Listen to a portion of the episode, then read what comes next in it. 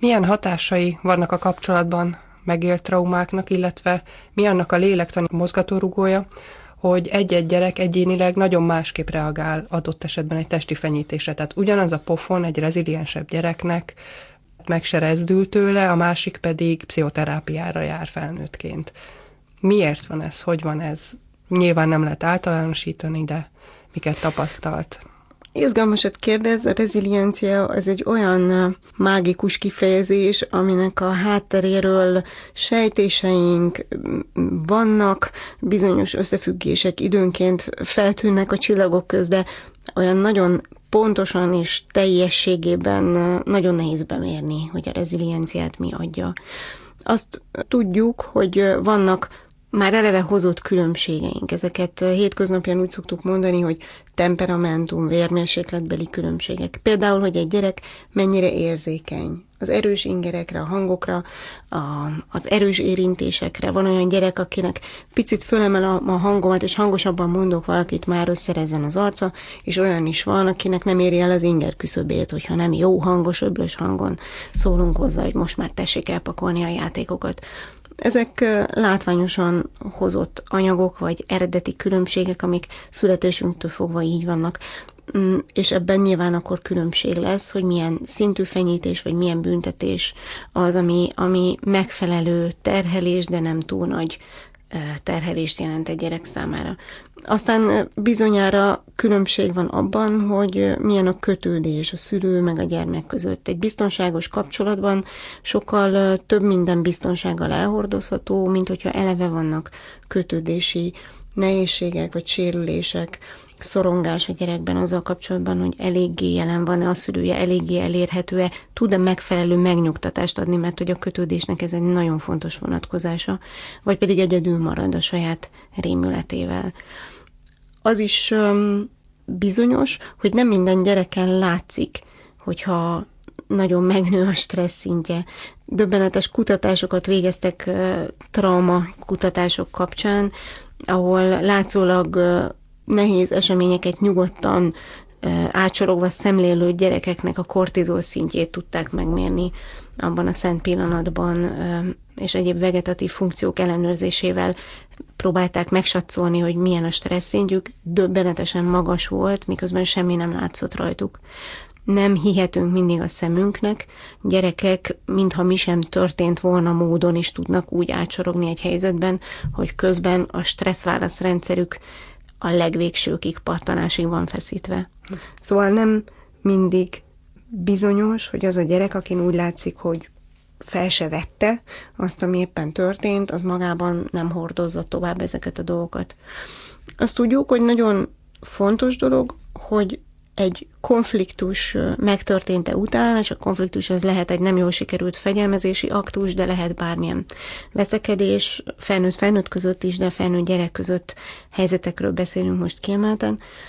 Szóval, hogy a konfliktusok megtörténte után szinte még fontosabb annál, hogy mi történt a konfliktus helyzetben, az, hogy mi történik utána. Hogy történt köztünk egy kapcsolati törés, egy mini trauma, akárhogy veszük, mi történik akkor, amikor újra kapcsolódunk. Tudunk-e arról beszélni, ami történt? Vissza tudunk-e menni a tett színhelyére, és azt mondani mondjuk, hogy pú, ami az előbb történt, az azért nagyon nehéz volt, nem? Téged is fölzoklatott, engem is. Amikor felnőttek tudnak kritikával nézni a saját működésükre, és a kritika alatt nem feltétlenül mindig a könnyek közt bocsánatkérést értem, mert az is lehet nagyon megterhelő egy gyereknek. Akkor a szülője könnyek közt bocsánatot kér, akkor a végén olyan érzése tud lenni, hogy még neki kell megnyugtatni a saját szülét. Ugyan anyu nem volt ez olyan vészes, miközben ő maga nagyon megjött. De hogyha egy szülő tud arra rátekinteni, hogy hűha, azt hiszem, ezt a helyzetet nem sikerült elég jól kezelnem. Azt hiszem, hogy nagyon nehéz lehetett neked most ez. Láttam rajtad, hogy nagyon megjettél. Ezt akár pár napok később is meg lehet tenni, hogy tudod, napok óta jár a fejembe, hogy hétfőn milyen csúnyán összevesztünk, és olyan nem szépeket kiabáltunk egymással. Nekem is fájt, biztos vagyok benne, hogy neked is nagyon fájt. Mit tudunk ezzel csinálni? Szóval az a helyzet, ahol átélhető, hogy a kapcsolat nem szakadt meg, hogy a mi kapcsolatunkban helye van annak, hogy történtek rossz dolgok, de ezeket elviseljük. Megért engem az anyukám, és miközben dühös volt rám, közben is tudott arra figyelni, hogy azért nekem is nagyon rossz.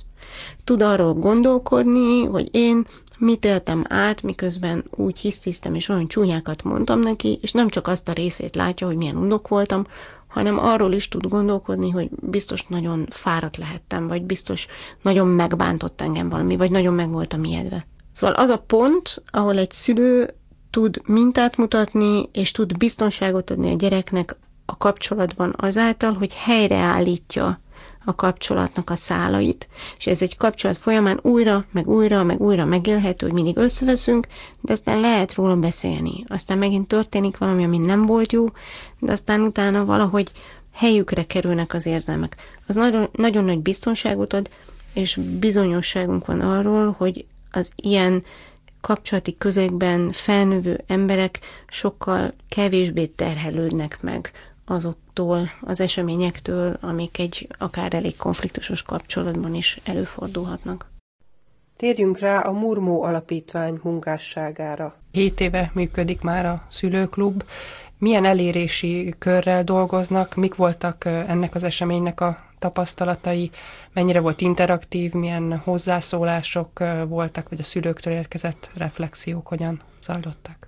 A Projuventa Alapítvány régóta működik, még az annak idején megszüntetett OPNI, Lipót mező gyermekpszichiátriai osztályához kapcsolódott, és ott támogatta a háttérből a gyógyítóknak a munkáját, és most már majdnem egy évtizede a Murmó központhoz kapcsolódik, és olyan feladatokat lát el, amit alapítványként szolgálatába tud állítani annak a gyógyító munkának, amiben rengeteg ember, rengeteg energiája, meg a szülőknek nagyon sok pénze benne van, hiszen nem államinak finanszírozott rendszerben gyógyulnak nálunk a gyerekek, hanem fizetni kell ezért a folyamatért.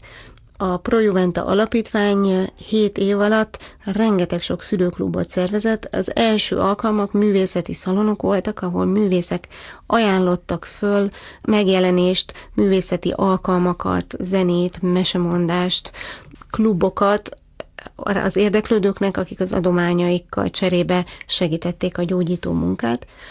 Döbbenetes módon a kényszerűség és a Covid hozta a változást, ahol ezeket a szülőklubokat és információs esteket online térbe kellett áthelyeznünk. Felfedeztük, hogy óriási igény van különböző témákban szakszerű, de jól érthető ismeretterjesztő előadásokra. És ezért a kollégák egy-egy alkalmat pro bono felajánlva tartanak meg ezeken az alkalmakon.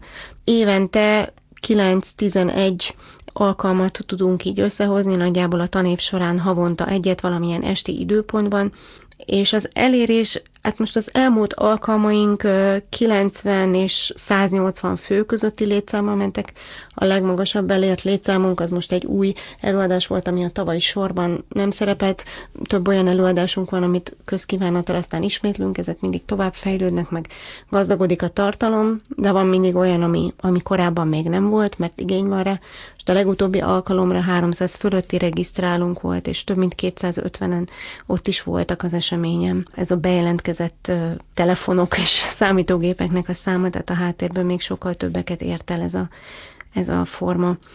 És olyan témákat veszünk elő, amik a, a gyógyító pszichoterápiás munkához kapcsolódnak, a szülőket segítik, abban, hogy jobban megértsék a gyerekeik állapotait, vagy azokat a terápiás folyamatokat, amik rendelkezésre állnak, olyan témákat akár, mint a verés vagy a bántalmazás, a, az ADHD, az evészavarok, a szuicid öngyilkos szándék a gyerekeknél. Lesz szó a mozaik családokról, a gyerekek online jelenlétéről, volt már alkalmunk a serdülőkorról, vagy a szexualitás megjelenési formáiról, serdülőkorban is, korábban a szexuális felvilágosításról. Szóval rendkívül változatosak ezek a témák, és a legtöbbjüket az hozta, az hívta elő, az azáltal jöttek létre, hogy a szülők megfogalmaztak kérdéseket, különböző témákban, és ezeket próbáljuk meg megfelelő formában aztán feldolgozni és átadni. Hiánypótló kezdeményezés további sok erőt kívánok ez a misszióhoz. Nagyon szépen köszönjük.